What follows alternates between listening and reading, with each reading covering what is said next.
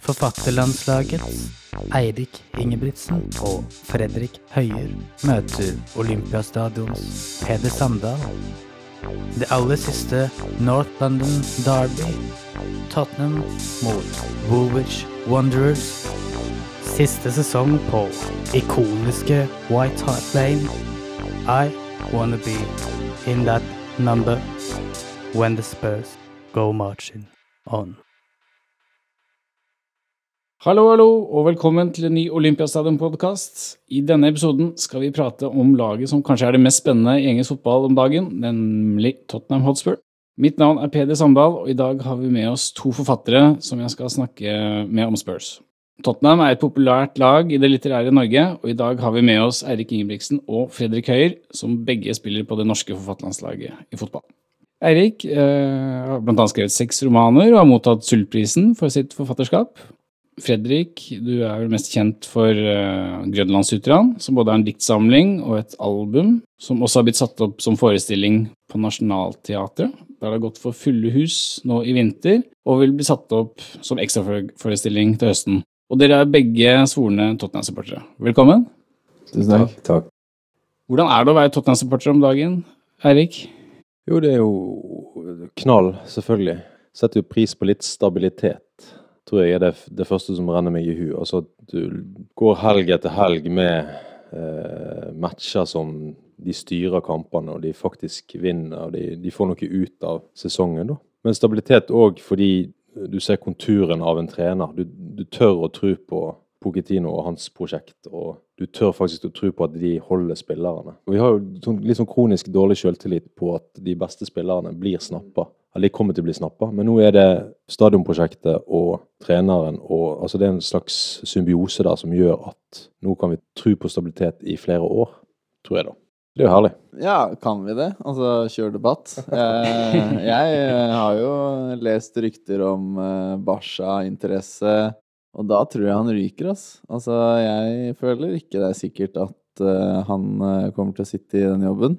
Ally er jeg heller ikke sikker på kommer til å bli i klubben. Jeg føler meg usikker. Ja. Han Porcetino har vel eh, sagt i et intervju at han verdsetter lojalitet da, overfor de klubbene han har vært i tidligere. Han har jo spilt i Español, mm.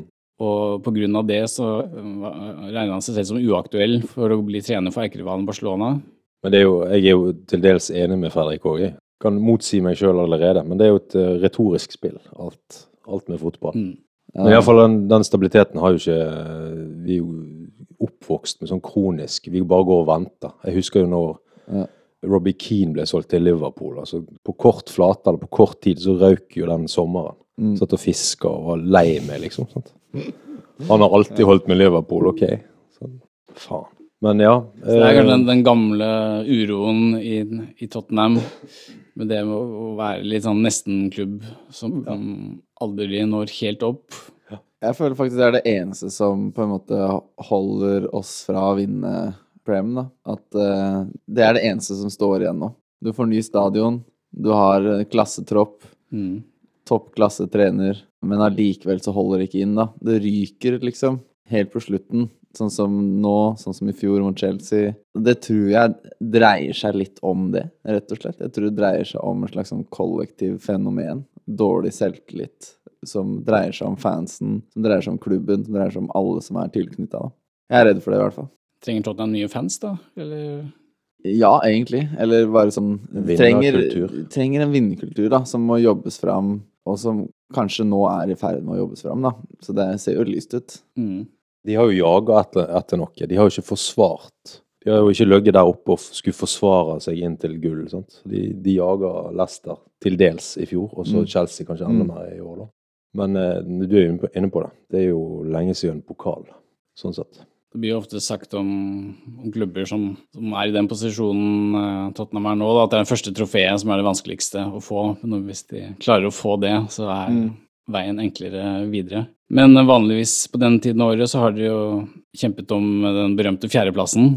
Det mm. slipper dere nå, da. Ja, og det var jo så mange år eh, Jeg husker jo det, også det året hvor du faktisk kom på fjerde. Hvor eh, Chelsea da vant Champa, og man da mista fjerdeplassen igjen. Det var et paradigmeskifte for, eh, for klubben, da, mener jeg. Eh, og nå er det jo Det eneste jeg syns har vært kjipt i år, var uh, Champions League. Altså. Det, der følte jeg vi underpresterte. Mm. Men uh, det er jo dødskult å være med der. Og det har jo så mye å si for å få spillere inn også. Og Der kommer den gamle, litt av den gamle frykten. Vi, vi flyter på en fin sesong, men underveis, og iallfall nå, så er det snakk om Wembley. Altså Du ikke har kontroll på den eh, gedigne stadion, og der, der mister du fansen kanskje litt. Grann. Mm. Eller der er det et eller annet med psykologien som ikke Mm. stemte. da. Mm. Kanskje de har vokst på det, det, men det blir jo tross alt hjemmebane neste år. Sant? Så Ja, det ble det jo er spådd som en mellomsesong, iallfall. mm. Mm. Det ble jo noen dårlige erfaringer på Wembley nå i høst. Frykten for, for Wembley, det, har den, sitter den der fortsatt? Er det den, den spenningen foran det lille vakuumet som blir mellom det gamle og det nye? Mm. Ja, altså Det, det fins vel knapt en mer intim stadion enn White Hart Lane. da. Du kan ta på de som tar innkast, på en måte. Og selv når du sitter høyt oppe, så føler du at du er i kontakt da, med spillerne på banen. Og, og det er jo en overgang. Det tror jeg er en overgang for spilleren nå. Mm. Må det være. Så det er rent sånn fysiske forhold, da. Eh, men så er det også eh, sånn Det er et ikonisk, helt utrolig tradisjonsrikt sted, da. Og det også påvirker jo hele greia. Så der også tror jeg det er liksom en kollektiv psykologi, da, som ikke bare dreier seg om spillerne, men som også dreier seg om fansen. Som vi bare må takle. Komme over. Formildende at det nye stadion blir bygd på en måte på samme grunn Ja. som nå, da. Eh, Og jeg kjenner ikke alle detaljene der, men jeg mener de skal bygge den etter den intime filosofien bak, som Mm. White Hart Lane også har hatt. Ja, Man kan jo se den gjennom det ene korthjørnet Ja, på ja. White Hart Lane nå. Mange er jo spente på denne flyttingen da, og hvordan det vil endre klubben. Westham har jo gjennomført eh, noe lignende nå denne sesongen, og det har jo ikke vært en smertefri prosess, kan man si. Mm. Jeg regner med dere er glad det ikke ble Så ikke sånn ut på fredag, da. Det var- ser ikke ut som de har gjort det. Nei, men det, det blir en digresjon, men, eh, men faktisk, der ser du eh, Når Tottenham da blir et stabilt topplag, så kommer jo de andre etter de. Westham har jo underprestert og vært et ganske dårlig lag i hele år. Men Tottenham skulle de ta. Sant? Det handler ikke bare om lokal eh, derby. Det handler om at det er et veldig godt, stabilt lag som kommer på besøk. Så det blir ikke noe tøffere og Nei, det blir ikke noe lettere å holde seg der oppe. Nei, nei, nei. Uansett stadion eller spillere eller stabilitet. Det blir bare tettere og tettere og tettere.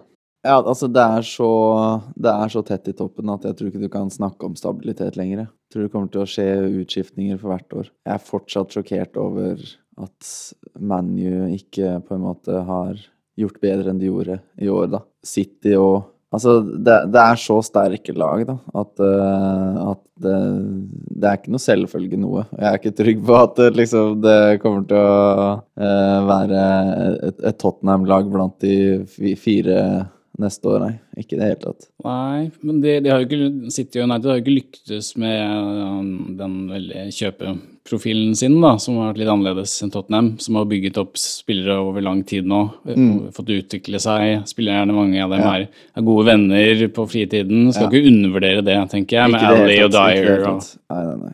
Det er jo et bevis, da, egentlig, på at eh, et sånn type modell, en sånn type sosial struktur, veier tyngre, rett og slett, da, enn det så de på Leicester òg. Eller det har vi jo sett Ja. de to siste åra. Det veier tyngre enn eh, individuelle prestasjoner. da. de, Det er jo på en måte en, ja, en umoderne måte å spille fotball i, i dag på, da. Ja. Med å basere seg litt på disse vennskapsforholdene og bygge et lag rundt det, som er en genistrek. mm. Kanskje litt tilfeldig, men også en genistrek av Tottenham. da, Å dyrke det, mens United kjøper Pogba for jeg vet ikke hvor mange millioner, og, og ikke lykkes med det. Men litt tilbake til flyttingen fra White Hart Lane. Er dere redde for at klubben skal miste noe av identiteten sin ved å si farvel?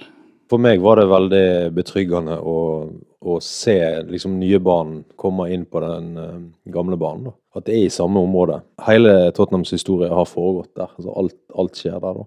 Men så er det jo bare å, å innrømme at skal de følge med, uh, så må de ha noen sånne økonomiske strukturer som er litt sånn uspiselige. Så eierstrukturen er jo én ting. Uh, Kommer det til å skje ting der? Hvordan blir det med billettpriser? Hvordan blir det med økonomien der? Så det er bare å vente og se, da. Men de har jo en eh, De har jo en idé, eller de, har, de skal jo gjennomføre et samarbeid med en eller annen amerikansk fotballklubb. Sant? Så det blir en sånn Ja, flerbruksstadion. Altså. Mm, mm, mm, mm. Som skal rulle inn noen eh, milliarder ekstra, kanskje. Så nei, men de må ta vare på, på onkel og, og liksom familiene, og så må de òg ta masse hundre tusen inn på de her VIP- VIP-folka. VIP De tenker vel på alt. Mm. De hadde jo ideer om shopping og sånn, så jeg vet ikke om alle de ideene er, skrinlagt nå. Det er i hvert fall en, uh, ganske, mange planer, ganske mange planer for å dra inn uh, penger fra rikfolk nå, da. Med tunnelklubber hvor folk kan kjøpe seg sesongkart hvor man ser inn i spillertunnelen. Det er øh, osteklubber. Det er mikrobryggerier. Uh, in Norwegian Jarlsberg. ja. Så jeg tror nok du skal dra inn noen pund. Men uh, Eirik, du var jo over for ikke så lenge siden. Jeg så ikke en ostebit. altså Det var burgeros og 99% menn som sto i gaten og skreik. En og annen jente som gikk forbi sånn.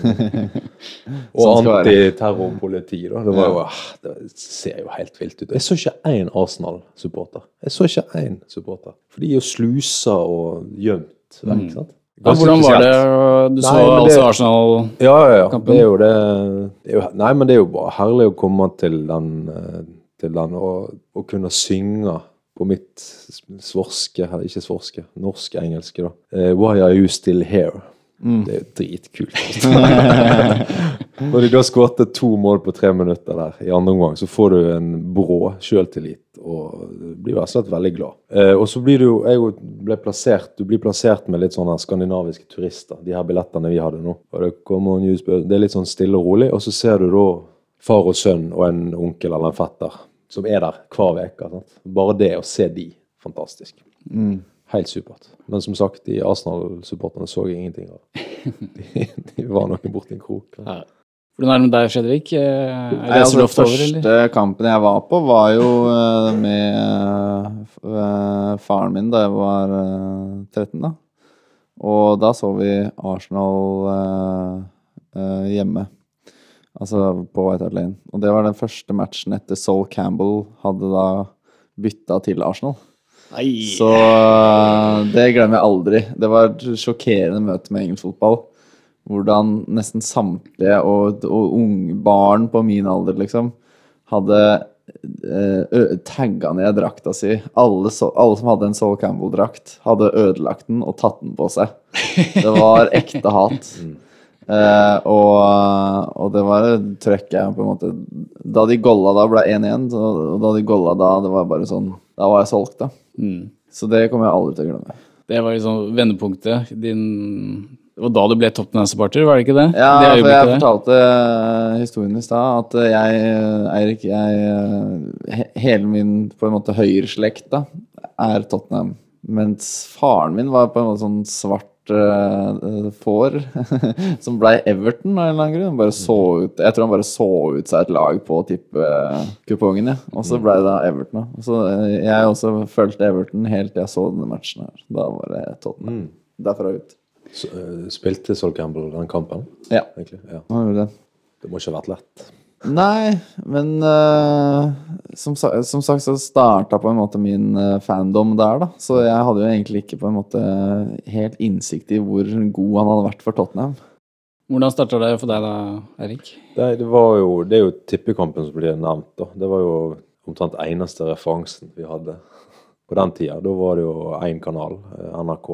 Og jeg begynte med fotball når jeg begynte på skolen. Sju år, det betyr 82, og da var det, da var det Glenn Hoddle, faktisk. Og jeg har ikke Altså, det er gjerne én kamp, da. Eh, og så begynte jeg liksom å følge de litt mer med. Men det var ikke sånn der eh, Det var ikke sterkt, og far min eh, hadde et øye for United og sånne ting, da. Men når Tottenham kom igjen, og Glenn Hoddle kom igjen, så la jeg merke til hans silkefot, da. De her eh, lange pasningene og skuddene og sånn som det. Det har jo jeg dyrka sjøl. Ja, Du har tatt med deg det til forfatterlandslaget? Jeg elsker jo det der. Så det var en eller annen kontakt der, da. Og så er det det der med at vi ser eh, kamp med far. Det betyr mye, Mm. faktisk. Så det var liksom hele uka og så tippekampen. Så det, det var et sånn magisk øyeblikk der. Glenn Hoddle var den første store helten. Ja, Glenn Hoddle. Jeg husker jo ikke VM i 78. Da var jeg bare tre år, sant? og de henta jo de her eh, argentinerne. Eh, Mm. Via og Adies. Men, men jeg har ikke sterke minner fra de. Nei. sånn sett. Så. Tottenham har jo hatt mange kulthelter opp igjennom. Hoddle, Gassa, Shinola, Ja. Klinsmann. Ja. Hvem var dine store Tottenham-helter da, Fredrik? Nei, altså jeg må si sånn på 00- og 10-tallet så, så var det Modric da, som jeg eh, virkelig kunne vibe med. Eh, for meg så var han litt sånn ubeskrevet bra før han kom dit, og det var jo der han fikk sitt gjennombrudd. Og jeg tror jeg ikke har sett en uh, Spurs-spiller som jeg har på en måte syns har vært så genial som han. Det var liksom Han er verdensklasse, da, og han spilte for Tottenham, liksom. Så det, det var helt rått. Ja, det det digga jeg. Var på en annen match også hvor han Kranjčar, husker jeg, som også var jævla god, egentlig. Eh, men på en måte ikke helt sånn samme som han eh, andre kroaten. Det var vel, skal vi se, jeg tror det var Southampton, en 2-1-seier. Hvor han bare dunka han i krøss, da. Kranjčar fra 20 meter. Ah, det var da, da Han også hadde var det trøkk silkefot, der. Ja, han hadde en god fot. Ja, ja, herregud. På, dagen, på dagens lag, da? Hvem er det jeg setter ekstra pris på? Ja, for meg, det er vel eh, alle, altså. Det, det er en eller annen eh, X-faktor, som det heter så fint. Mm. Der, da. Han har en enorm kapasitet. da. Eh, det er ikke alltid pent eh, å se på, sant? men han, han har et sånt klyv å få med seg ballen. og skårer sånn, en del sånne umulige mål. Mm. Og bare, jeg er bare imponert over arbeidskapasiteten og fotballhjernen og det hele den komplette greia, og, og så ung. sant? Så han. Og så er det lett å like Eriksen selvfølgelig òg. Han, han har jo tatt, tatt over litt Modric eh. Mm, definitivt. For meg så er det Kane, da. Eh, men også en honorable mention i eh, Son. Men Kane, altså Han er så annerledes spiller enn det jeg noen gang har vært. Fordi han har en sånn en utrolig teft for mål, da. Jeg er sånn akkurat nok old school til at jeg på en måte kan sette pris på den typen spiss som får ballen på 16 og på en måte kan innsiden eh, bare sånn legge den i hjørnet ti av ti, da. Og der er Kane. Altså, han, han er en sånn klassisk engelsk spiss. Eh, Og har på en måte de, eh, de på en måte spissferdighetene, den spisskompetansen, som, som er så veldig, veldig sjelden, da. Selv i dag, liksom. Så han er, eh, han er eneren, altså. For meg. Uten tvil. Ja, hvis ikke, Jeg tror mange ikke-Tottenham-fan er overbevist òg, men det der målet mot Chelsea, den lille hodet i, i en umulig posisjon Er det å- du snakker om nå, ja? Nei, når Kane. Når han Ja. stussa inn uh, 2-1-reduseringer, var det vel. Eller 1-1-målet. Husker jeg ikke det. Men i hvert fall det var eksempelet for meg at han uh, Ja. nok en gang overbeviser om å sk skåre de der umulige målene. da. Mm, mm, mm. Uh, egentlig liksom mot spillets gang òg. Ja, han er jo fantastisk. Altså, det var en eh, det, det var en, et mål nå hvor han Jeg husker ikke hvilken kamp det var. Det var en av disse store seierne som var nå, 4-0 eller noe sånt nå. Husker dere hvilken kamp det var, eller? Nei, det var en corner i hvert fall. Han får den på sånn ganske kjip volley, sånn i sånn hoftehøyde, hvor han greier å presse ned, da. Og da satt jeg og tenkte sånn at jeg kunne fått den ballen der 100 ganger, og jeg hadde blæsta den over taket hver gang, da. Og det å på en måte greie å presse den ned, det er klasse. Og det er så godt å ha en verdens toppspiss, da. For det har jeg savna. Det har jeg savna helt fram til han kom nå. Hele 00-tallet, så, så, så Vi hadde Defoe, da. Men utover det ikke en sånn klasse. har du jo klassespiss. Rebrov? ja, eller Soldado. Ja, ikke sant? Ja, Lista er så lang da, over ja. drittspisser. Eller de som ikke greide det, i hvert fall. Ja. Rebrov, ja. Ja, men så går inn i den der eh, litt sånn kjølt, dårlig selvtillitspotten, da. Ja, du, du har jo vokst inn i Tottenham i den nye æraen. Så hvis du tenker på Levi, og han Mm. kom jo til klubben tidlig i 00. Mm. Men eh, med 80- og 90-tallet, altså det her med å være fornøyd med en åttendeplass, det var jo det som var vanlig. Ja.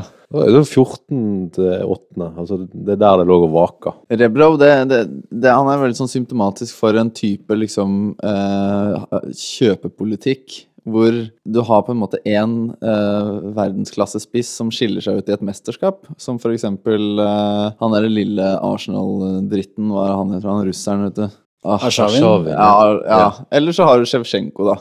Ja. Eh, og så eh, De går til hver sin eh, klubb, som bare tar de. Eh, liksom Milan bare Nei, selvfølgelig, de, de var jo de beste i det mesterskapet. Men så kommer Tottenham og kjøper de nest beste, eller sånn spissmakkeren hans. og, og kjøper Pavlosjenko.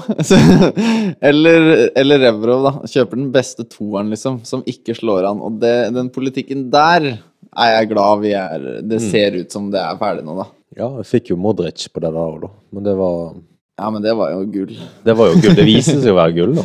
Nå er dere snart så gode at dere kanskje kan hente Modric tilbake. Ja, og Bale, på, Og Bale. i kofferten Ja.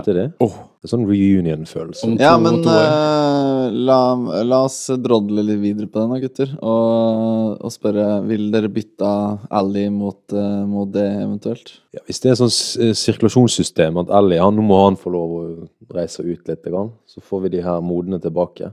Bytte Ally med Modric. Nei, det er jævla vanskelig. Det er et umulig spørsmål. Ja, det er veldig vanskelig. Det er det. Ja. Kommer Bale litt sånn slarkete ankel, og så er han ute i tre måneder. og- Vet du aldri Nei. om han klarer det. Det hadde jo vært litt deilig å snu om på rollene. At Tottenham er det, blir det nye Real Madrid og begynner å dominere. Det har jo lenge vært et slags et bånd mellom Spurs og Real Madrid, som jeg syns er eh, egentlig ganske kult. Så, så ja, vi får se hva som skjer. Kanskje ikke så kult hvis eh, Real Madrid henter både Ally og Pochettino. Da er det kanskje ikke Nei, Da- eh, men jeg tror ikke han sikkert til Real Madrid. Altså. Jeg var, jeg var mer redd for Barca. Jeg hørte King var aktuell på overgangsmarkedet nå. Altså Joshua King. Ja, tenkte på Ladley King. Ja. eh, tilbake. Joshua King, ja, ja, ja. Defoe òg er jo linka. De skal jo skrape av Sunderland. Sånn. Men eh, ja. Nei, silly season begynte vel i rekordtidlig, i mars i år. Olympiastadion er jo et litterært uh, sportstidsskrift. Vi eh, setter stor pris på koblinger med sport og litteratur. Jeg tenkte jeg ville høre litt med dere om deres eh, skriverier og forfatterskap. Fredrik, i, i Grønlandsutran så møter vi en ung mann som bekymrer seg over så mangt i verden. Det er miljøspørsmål, språk, om isen smelter, om at man snakker mye om de samme tingene om og om igjen. Ting går i sirkler. Han filosoferer på om det er mulig å bryte ut av onde sirkler, om det er mulig å starte på nytt, starte et nytt og bedre liv. Midt oppi disse bekymringene så dukker det også opp en bekymring over et fotballag. Et lag som år etter år kjemper om den forjettede fjerdeplassen. Du sier ikke hvem det er, men uh, vi skjønner jo, skjønner jo hvem det er allikevel. Hvordan, hvordan I teatermanuset så tror jeg det, det, det er ganske klart eh, hvilket lag det handler om, ja. hvordan passer Tottenham inn i Grenlandssytran? Ja, Det er, det er en referanse der uh, som ikke har noe med be, sånn bekymringer å gjøre, men det handler mer om en sånn følelse av oppgitthet. Det er faktisk ganske mange Det, det resonnerer ganske bra i salen når, eh, når det nevnes. Jeg tror det er mange Det er mange Tottenham-supportere der ute. Jeg sier vel sånn Når, når Tottenham ikke har greid å få den fjerdeplassen på 26. året på rad, liksom sånn oppgitt på en måte, og da er det mange som bare nikker anerkjenner bare Ja, jeg føler smerten din. Jeg veit åssen det er. Og, og det er vel i det diktet som heter Gi slipp, hvor det da egentlig bare dreier seg om det som eh, jeg tror mange Tottenham-fans eh, må lære seg. At man bare Man må finne ut av å deale med skuffelsen, da. For det har jo vært mye skuffelse, og det er det i fotball generelt. da. For eksempel nå mot Vestheim, så ble jeg jo skuffa, ikke sant. Mm. Uh, og, og det må man må videre fra det, da. Ja. Gi slipp. Kommer en dag i morgen. Gi slipp. Ja. Men eh, vi kan ikke slippe det helt, eh, fordi det var ikke den følelsen å bli tatt litt tilbake igjen til gamle Tottenham, som roter det litt til? Jeg Erik? bare, jeg bare syns det Jeg blir fascinert over eget reaksjonsmønster. Da. Så det, du kan gjerne skrive og 'gi slipp' og sånt, men når du står og monterer den jævlig store trampolina lørdagen, dagen etter tapet mot Westham, og en hudbit henger igjen, og så, og så tenker du på 'pokker meg, det var dumt de tapte i går'. Altså Det kom tilbake, sånn flash-greier. Ja. Så tenkte jeg ja, herregud, du, du kom deg videre. Du, du snakker, du har en sånn indre monolog, da. Mm. Så man gir jo slipp, men uh, det skaper en eller annen uh, følelse som Jeg klarer ikke å forklare det. Det er ganske, det er ganske emosjonelt. Mm. Det er et eller annet, det et eller annet rom som, ikke, som handler om noe helt annet. da. Det er jo 90 minutter med meditasjon på et eller annet vis. Du forsvinner litt inn i noe helt annet. Mm. Du får jo gitt slipp når du er inne i den 90 minutter. Du kan tenke på andre ting, eller du lever deg inn i spillet. Så er, innlevelse. og det er et virvar av følelser der. Ja. Det, er, eh, det er mye sinne, mye skam, Mm. masse glede, eufori. Det er mange som kjenner meg ganske godt, som blir ganske sjokkert når de ser åssen jeg reagerer når de goller. For da har jeg på en måte sittet der og på en måte bare vært litt sånn borte, og så har de ikke helt registrert det. Og jeg, jeg, jeg får en ganske fysisk reaksjon når, eh, når det Når det puttes. Jeg reiser meg og bare Ja, faen ja, liksom. Helte så digg. Og, og det, det betyr mye for meg, da. Det gjør det. Ja. Så, og, og det er bra. Men hvor kommer det fra? Ja, altså det Jeg veit ikke, ass. Uh, jeg, jeg, jeg sliter med å på en måte skille hva som er fotball, og hva som er Spurs også. mm. For fotball i seg sjøl er jo også bare masse, masse Det er, det er en følelsesarena også, Ja. vet du. Erik, du nevnte en indre monolog du har om Ja, men ta det sammen, mann. Du står jo her og, og skal montere en jævla trampoline, så ikke tenk på kampen i går. Altså, det er litt der og der, da. Mm. Men eh, nå er du tilbake i hverdagen, og da skal du ikke Altså, kom deg på jobb sant? dagen etterpå. Men at, at det surrer og går litt dagen etterpå, da. Mm. Eh, og så snur det om, så tenker du på neste kamp, og så begynner det å pirre litt. Sant? Mm. Eller til og med kan grue deg, da. mm. Men det har egentlig ikke blitt så mye bedre at de har blitt en toppklubb. Altså, Den var der like mye Ja. før, egentlig. Ja. Uh, jeg trodde alt skulle bli bedre idet det liksom kom stabilitet inn i livet mitt. Men Ja, det har det egentlig ikke blitt. Jeg er like nervøs som før, og jeg tenker like mye på det som Mm. før. Stor og, og, og, og liten grad. Men jeg husker fordi Tottenham og engelsk fotball kom litt tilbake til meg når eh, jeg studerte i Göteborg på et sånt eh, forfatter- og litteraturstudium. Og da var det så mye tekstpreik og litteratur og heavy stuff eh, rundt meg. Det var veldig intenst. sant? Så da ble det enda større friminutt å gå på den Mm. engelske puben. Mm, og mm. Og da kunne jeg sitte og skrike til en eh, Liverpool eller Sunderland, eller en kompis som heier på Sunderland. Da. sånn, vi så jo alt. Men da kom òg Tottenham tilbake. Uh, mer facts. Mm, da ble jeg mer interessert i, i laget. Ja. Så jeg tror, det, jeg tror det har litt med at det er Ja, da kan jeg slappe av. Da har jeg fri. Det er noe helt annet. Selv om du er nervøs eller det, står, det er følelser som står på spill, så er det, er det noe annet du kan konsentrere deg om. da. Ja. Så det finnes, noe, finnes det noe Tottenham eller fotball i ditt forfatterskap? Eller er det dette frie, Nei, jeg tror det, det, er det er ganske sånn adskilte atskilte rom, altså. Så jeg har vel heller Jeg, har, eh, jeg kan ikke huske at jeg har noe sånn eh, Kanskje et Tottenham-skjerf i et vindu, altså bare sånn fin liten observasjon der. Mm. Og klapp på skuldra. Og selvfølgelig en idiot som hadde en Manchester United-lue, sånn som jeg bare plasserte ei lue på en fyr. Men fotballen er ganske langt vekke når jeg skriver, da. Det kjenner jeg meg veldig enig i. Altså. Det er veldig to forskjellige arenaer, tror jeg. Ja, rett og slett. Også Men jeg, jeg kjenner meg igjen i det der med skrik og at du, det er et eller annet eh, urbrøl som, som eh, kommer fram. Så de som ikke kjenner meg, så, så ser det. Er rolig fyr eh, 24-7, og så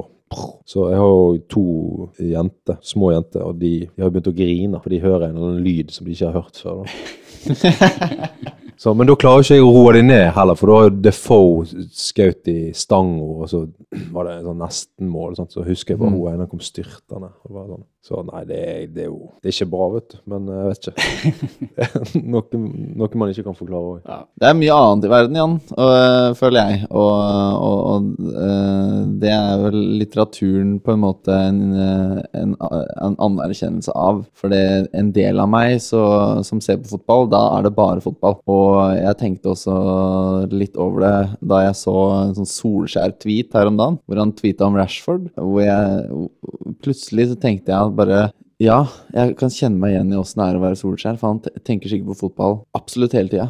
Og, og det gjorde jeg en lang periode av livet, men det gjør jeg ikke lenger, altså. Og det er nok eh, på en måte Jeg er veldig glad at det ikke er sånn nå. At jeg på en måte har uh, litteraturen som en slags sånn dimensjon i, i hverdagen. Ikke bare som uh, Ikke bare som en jobbgreie, men også som en uh, hobbygreie. Men jeg tror overgangen Den innlevelsesevnen du må ha når du skaper bilder og språk? Den, der, der tror jeg det er en kobling til kampen. Altså hvordan vi ser kampen og lever oss inn i den Mm. kampen. Og da blir de der gutta som preker fakta og gjerne sitter er mer interessert i å tweete enn å Mm. Lever seg inn i det. da. Er iallfall kobla ut masse og er der inne.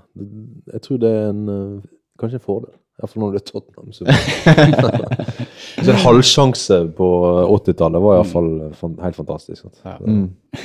Så, ja. Men eh, er det noe med, med Tottenham og forfattere? Det er jo en del kjente forfattere som er eh, Tottenham-supportere. Saman Rushdie er Spurs-fan. Han har vel sagt noe som at uh, det er greit å skrive bøker og lansere filmer, men ingenting er så deilig som å slå Manchester United. Jeg visste ikke at han var, var det, men det Jeg har hørt det der. Jeg har hørt det der. ja. Og Jo Nesbø er jo Tottenham-fan. ja. Han er det. Han er det. Han er, jeg tror er i en kriminalroman 'Gjenferd'. Der kler han opp dopselgere i Arsenal-drakter. Nesbø, ja. Så dere er jo ikke helt alene, da. Eh, Men Erik, du jobber i Norsk forfatter, Forfattersentrum. Du har ganske god Ja. oversikt over eh, hva som rører seg her til lands av forfattere. ja. Har du noe feeling på Er Tottenham en stor store eh, blant norske forfattere, eller er det, er det andre? Nei, men ehm, Nei, det er litt det, Jeg møter mest ikke ikke-fotballforfattere, egentlig, må jeg si. Som liksom er litt sånn Ja, ja. Så når jeg møter sånn som Fredrik, og jeg hørte at han var Jeg blir jo stolt når jeg møter folk som Oi, som faktisk har holdt med det, da. Og så må du høre litt og sjekke litt, og hvor lenge har du holdt med det? Er det bare nå, to siste årene, eller er det sant? Sånne ting. Men jeg er jo eh, igjen den der eh, dårlige selvtilliten. Jeg har vokst opp med folk på fotballaget mitt. De holdt jo med Liverpool og United, ikke Chelsea engang. sant? Og det var jeg og en annen som holdt med Tottenham, liksom, som tviholdt på det. Så vi har jo blitt sterke av denne der. Eh, All denne motstanden òg, da, tross alt. Men eh, nei, jeg bare jeg, Andre forfattere. Jeg visste om Jo Nesbø, og så vet jeg om kong Harald. Det Kong altså, Harald òg, ja. Wow. så det er Her kommer det frem, altså. Vi er ikke aleine, vet du. Nei. jeg tror gjerne at vi er alene, men så Ja, og for Kongen. å flippe på det, så har jeg ikke hørt om noen uh, Arsenal-supportere uh, som uh, jeg veit om i norsk forfatterstand, i hvert fall. Har vel én på forfatterlandslaget, kanskje? Christian Valør? ja, han Midt- Arsenal-supporter? Norge er vel Arsenal, sant? Ok, Det er ja. et par. Ja. Mm. ja, der kan du se. Selv på ditt eget lag. Da takker vi for Tottenham-praten med Fredrik Høyer og Eirik Ingebrigtsen. Følg med på nye podkaster av Olympiastadion.